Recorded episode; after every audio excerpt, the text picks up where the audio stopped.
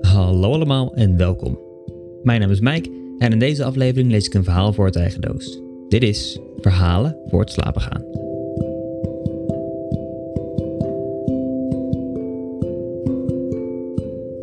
De laatste tien dagen van het jaar heb ik besteed aan de avonden van Gerard Dreven.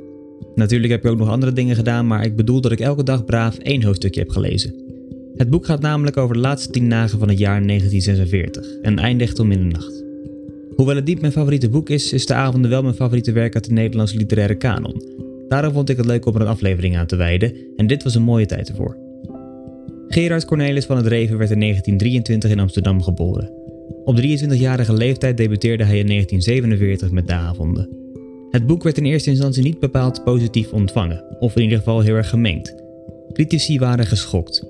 Het boek was volgens hen zo negatief dat het geen enkel uitzicht zou bieden voor de naoorlogse generatie. De schrijver Godfried Boman schreef in Elsevier: Ik heb zelden een boek gelezen zo naargeestig, zozeer van iedere positiviteit ontstoken, zo grauw, cynisch en volstrekt negatief als dit. Het wurgt iemand de keel toe. Neschio noemde het zelfs een omboek.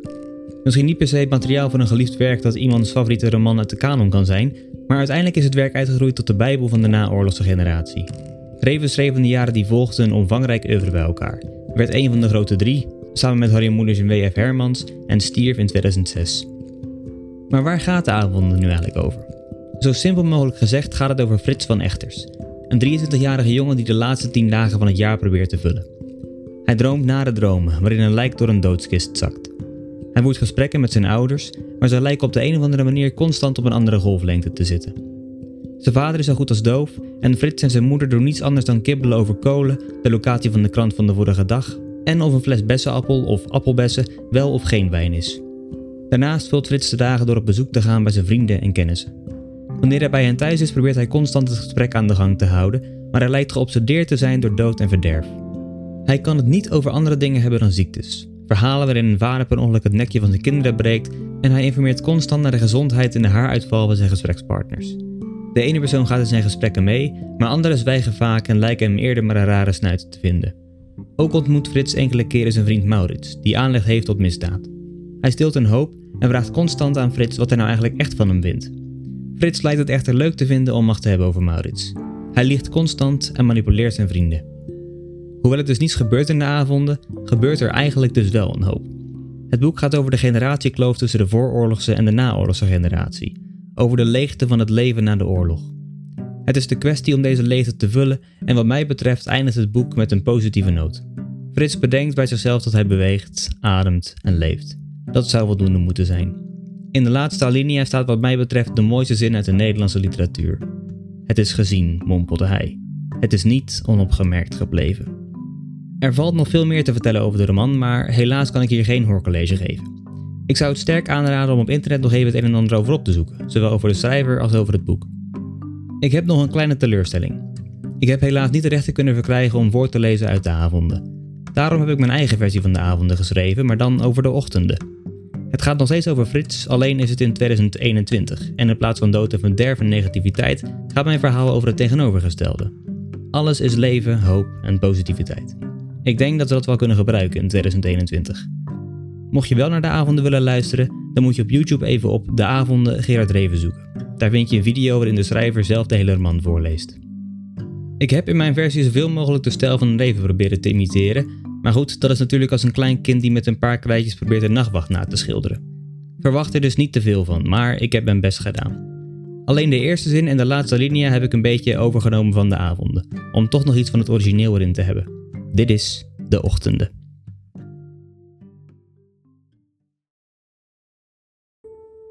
De ochtenden. Het was al licht toen in de vroege morgen van de 1 januari 2021 in onze stad, op de eerste verdieping van het huis Schilderskade 66, de held van deze geschiedenis Frits van Echters ontwaakte. Hij richtte zich op, wierp een blik op zijn wekker. Half negen, mompelde hij. Een mooie tijd om op te staan. Niet te vroeg, niet te laat. Genoeg tijd om de kater van oudejaarsavond weg te spoelen met de frisse lucht van de ochtend. Ja, zo moet men leven. Tom, tidom, tidom. Nog voor hij uit bed stapte herinnerde hij zich de droom van vannacht. Hij greep hem voor hij vervaagde, speelde hem nogmaals af in zijn hoofd.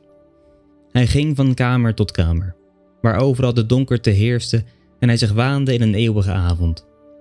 Hij had gesprekken met mannen bij wie het haar langzaam uit het hoofd begon te vallen.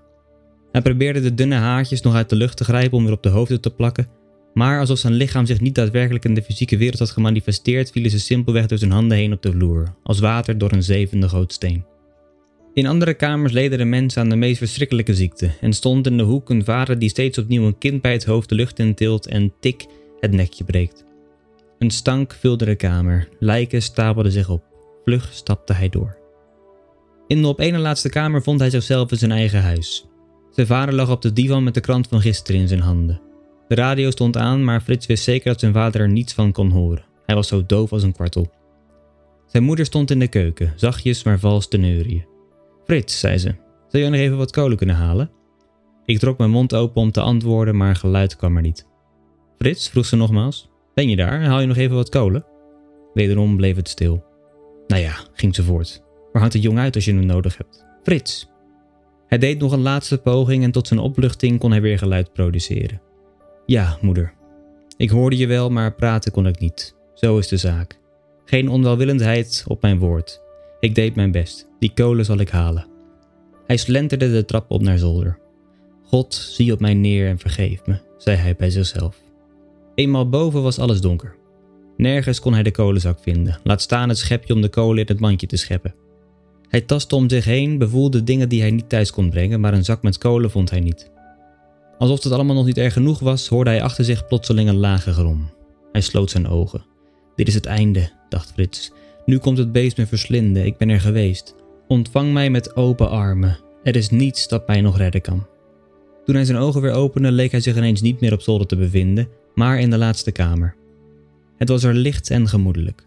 Aan het plafond hingen ballonnen. De muren waren versierd met slingers en ook de muziek die opstond leek te impliceren dat er hier iets gevierd diende te worden. In het midden van de kamer stond een groep mannen in een kring, maar Frits kon niet zien wat zich in het midden bevond. Het zal wel een dode zijn, dacht Frits. Gezien het verloop van de avond kan het niets anders dan een dode zijn die daar langzaam ligt weg te rotten. Vanwaar dan de ballonnen? Zijn we zo ver gevorderd dat we de dood vieren? Ja, het is wat. Het zal wel een mooie ziekte zijn geweest. Hij liep op de kring toe en wurmde zich door de mensen heen. Daar lag echter geen lijk, maar een baby, krioelend in een klein netjes opgemaakt bedje. De oogjes zaten nog dicht. Waarschijnlijk was het net ter aarde gekomen. De ouders zaten op hun knieën aan de rand van het bedje, keken met van geluk tranende ogen naar een kindje. Ach, wat mooi, zei Frits hardop. Er is nog wel wat moois in de wereld. Dat is niet te ontkennen. Is het niet? Het is waar, zei een man met een bolhoed die naast hem stond. U heeft volkomen gelijk. Er bestaat weinig schoner dan een pasgeboren baby. Wedden dat dit een mooi en succesvol kindje wordt? Jawel, antwoordde Frits. En helemaal gezond natuurlijk. Geen ziekte zal het kleine wonder bederven. Op mijn woord, ik beloof het. Na een tijdje was Frits uitgekeken. Hij verliet de kring en liep de kamer uit. Het laatste wat hij van de droom kon herinneren was dat hij ineens buiten stond en omringd werd door licht. Jawel, mompelde Frits, nog steeds rechtop zittend op bed. Het begin en midden was te bevragen, maar al met al een goede droom. Niets te klagen. De uitvoering wat minder, maar de landing perfect. Juist wat we nodig hebben. Tom, tidom, tidom. Hij kleedde zich aan, poetste zijn tanden en ging fris de trap af. Het is nieuwjaarsdag vandaag, dacht hij bij zichzelf. We hoeven niet naar werk, maar toch is het goed voorbereidingen te treffen alsof er iets te gebeuren staat. Er staat altijd iets te gebeuren. Frisse tanden, frisse kleding en fris gemoed. U mag mij trouwens ook fris van echters noemen, mocht u dat beter bevallen. Hij kwam de kamer binnen en floot een melodie die de dag daarvoor van de radio bij hem naar binnen was geslopen. Goedemorgen, moeder. Goedemorgen, vader. Morgen, jongen, antwoordde zijn vader. Mijn god, dacht Frits. Hij kan weer horen. Het wonder is geschied, er is hoop. Ik hoop dat u een goede nachtrust heeft genoten, vroeg hij. Hij glimlachte en knikte. Zijn moeder kwam binnen vanuit de keuken. Zo, zei ze, jij bent vrolijk vandaag. Is er iets te vieren? Er is leven, moeder, antwoordde hij. Zolang er leven is, is er altijd iets om vrolijk te zijn. Vandaag vieren we dit, morgen vieren we dat. We zijn gezond. We beschikken nog altijd over het vermogen te lachen. Zijn moeder grinnikte, richtte zich tot vader. Schat, pak de camera, dit moeten we vastleggen. Zo vind ik hem veel leuker zonder het gedram over kale hoofden, dode kinderen en ziektes. Ik weet het, zei Frits, ik heb gezondigd. Het is niet goed, maar ik zal mijn leven beteren. Laat de hele wereld, maar mijn konijntje bovenal, getuige zijn van mijn plechtige belofte. Vanaf nu alleen nog goede dingen. Hij maakte op de aanrecht zijn ontbijt klaar en at het aan de keukentafel op. Vanuit zijn ooghoeken bekeek hij zijn vader, die net als in zijn droom op de divan lag met een krant in de handen en luisterde naar de radio. Nu neuriede hij echter mee met de muziek. Hij kon het dus horen en waarachtig, het was nog goede muziek ook. Zijn moeder zong zachtjes mee, maar niet vals. Het zat zelfs tegen het mooie aan. Wat is er gebeurd? dacht Frits bij zichzelf. Waar zijn de ergernissen? Ben ik het? Of zij? Of misschien wel allebei? Ach, het maakt niet uit. Zo is het goed, we kunnen vooruit. Hij propte zijn boterham naar binnen, stond op en rekte zich uit. Lieve ouders, zei hij, we hebben weer een dag om te vullen. Er valt wat te beleven. Ik ga de deur uit. Ge zijt gezegend, tot ziens. Frits trok zijn jas aan en ging naar buiten, waar een koude wind hem begroette. Dit is de juiste wind, dacht hij terwijl hij zijn kraag er tegenop zette. Koud genoeg om je op te frissen, maar niet te hard dat je omver valt. Zo is het goed. Recht zo die gaat. Titelido, titelida. Hij besloot gewoon maar wat te lopen. Er zou toch wel genoeg te zien zijn en anders zou hem vanzelf wel iets te binnen schieten. Er was altijd wat. Dat was de instelling. Mensen veegden de vuurwerkresten van de straat, reinigden de wereld. Frits keek om zich heen, zocht in de lucht de vogeltjes die het nieuwe jaar inluiden met hun gezang, maar hij kon ze niet vinden.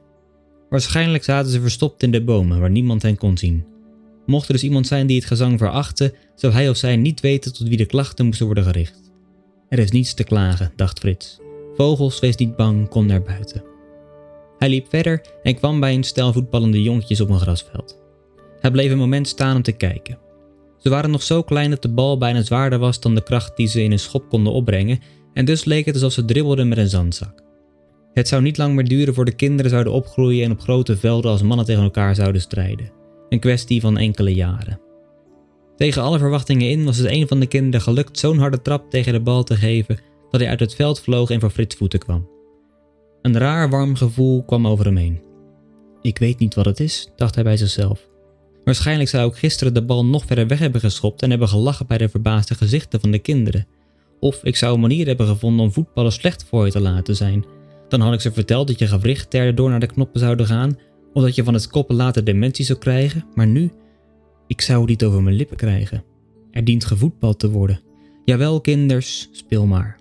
Dat laatste sprak hij hardop uit en hij schopte de bal terug. Toen hij merkte in welke straat hij stond, bedacht hij dat hij net zo goed even bij een vriend van hem langs kon gaan. Louis Spanjaard zou zijn bezoek vast op prijs stellen. Hij was immers in een goede stemming. Frits ging voor de deur staan, maar trok niet aan de bel. Hij deed enkele stappen naar achteren en keek naar boven en jawel, het raam stond open. Zeg, riep hij, wel edele heer Spanjaard, hoe staat het? Het duurde niet lang voor een gezicht uit het raam werd gestoken. Heer van Echters, zei hij, beste wensen. Wacht even. Hij trok zich terug om even later weer tevoorschijn te komen. Vang. Frits ving de sleutelbos en had bij het proberen meteen de juiste te pakken. Zo, dacht hij, kan deze dag nog beter? Nee, hij is nu al geslaagd. En we hebben nog uren. Toen hij bij Louis Spanjaard was aangekomen, zat deze druk achter zijn bureau te werken. Heb je druk? vroeg Frits. Als het niet schikt, geeft het niet. Ik kwam je alleen het beste wensen. Nee, nee, het schikt. Ga rustig zitten. Ik maak alleen even mijn notities af. Frits nam plaats en keek de kamer rond. Je hebt opgeruimd, zei hij. Zo oogt het toch wat schoner. Het is mooi wat je ermee gedaan hebt. Ja, antwoordde Louis. Ik dacht, het is er de tijd voor. We gaan het nieuwe jaar in, we beginnen schoon. Nu kun je natuurlijk denken, dan heeft hij er weer het hele jaar voor om het vies te maken, maar dat is niet het plan. Niet? Het blijft schoon, op mijn woord. Het voordeel is dat ik dan mijn dingen kan vinden. De wetenschap zegt ook dat het hoofd meer opgeruimd is in een schone kamer. En dat heb ik nu precies nodig. En ook, als ik het niet vies maak, hoef ik het volgend jaar niet schoon te maken. Dat is mooi gezegd, zei Frits. Ik heb op die logica niets tegen. Voortreffelijk. Zo, zei Louis. Mijn aantekeningen zijn klaar. Ik ben helemaal tot uw dienst. Heb je nog van die verhalen? Wel ja, verhalen zijn er altijd. Ken je die van dat meisje dat aan de chemo zat? Ik geloof niet dat je me die ooit verteld hebt. Nou, maak je klaar. Er was dus een meisje van een jaar of tien dat aan de chemo zat, zoals ik zei. En je weet wat dat met een mens doet. Het duurde niet lang of zij was helemaal kaal, zo glad als een bowlingbal. Hier wachtte hij even. Louis zei niets, knikte alleen en ging door. Nu had dus die moeder een cadeau voor haar gekocht. Dat meisje had geen idee wat het was. Dus zij het cadeau openmaken zonder enige verwachting en haalt even later een prachtige pruik tevoorschijn. Ogen vol tranen natuurlijk. Zij doet die pruik op, rent naar de badkamer en staart naar zichzelf in de spiegel. Een kwartier lang staat ze daar te kijken, zonder iets te zeggen. Kijken en huilen, dat meisje. Prachtig. Dat zijn de verhalen. Nu opletten, dacht Frits. Kijken wat zijn reactie is. Ja, zei Louis, dat is iets schitterends. Er is veel moois in de wereld. Ik hoorde laat van die jongen wiens hart niet functioneerde. Hij zou eraan doodgaan, maar nu bleek dat er nog een hart was van een andere jongen die onlangs overleden was. Alle hoop was reeds vergaan, maar de operatie ging goed. En die eerste jongen leefde weer door op het hart van de ander. En weet je wat ze deden? Ze namen de hartslag op, stopten het in een knuffelbeer en stuurden het naar de vader die zijn zoon verloren had. Is dat niet prachtig, Frits? Er is leven. Overal is leven. Er is hoop. Dat zijn mooie dingen, ja, zei Frits. Ik weet niet wat het is, dacht hij bij zichzelf. Zelfs het gemoed van Louis lijkt omgekeerd te zijn. Het is een wonder, niet alles is verloren. Na een tijdje vertrok Frits en maakte zijn rondje af. Hij ging langs bij Jaap, Joop, Walter Graafse en kwam zelfs nog Maurits tegen, die die ochtend had gezworen nooit meer iets te stelen. Er is alles te winnen, mompelde Frits. Er is uitkomst. Tegen de tijd dat het donker begon te worden, ging hij op weg naar huis. Eenmaal daar begroette hij zijn ouders, die wegens de goede stemming van die ochtend een feestmaal in elkaar hadden gezet. Mijn liefde voor jullie is onmeetbaar, verklaarde hij aan het einde van het maal. Jullie goedheid is onbetaalbaar. Vergeef mijn zonde, ik zal een goede zoon zijn. Die avond bleef hij thuis. Hij las een boek, luisterde naar de radio, converseerde met zijn ouders. Toen de klok negen uur sloeg, maakte hij aanstalt om naar bed te gaan. Het was de omgekeerde ochtend. Hij kleedde zich uit, trok zijn pyjama aan en poetste zijn tanden. Hij aaide het konijn dat nog op zijn nachtkastje stond en stapte in bed. Er is leven, zei hij bij zichzelf. Er is hoop. Het was een goede dag en er zullen er nog veel komen. Ik ben nog jong, de goede jaren liggen nog voor me. Er ligt nog veel in het verschiet. Ja, ik ga zo slapen, de nacht valt, maar hoe donker het ook mag worden, er is altijd weer een volgende ochtend. Vogels fluiten, honden blaffen, er wordt opgeruimd, de kinderen spelen, de ochtend komt. Frits zoog zijn borst vol adem. Het is gezien, mompelde hij. Er is niet onopgemerkt gebleven. Hij sloot zijn ogen en viel in een droomloze slaap.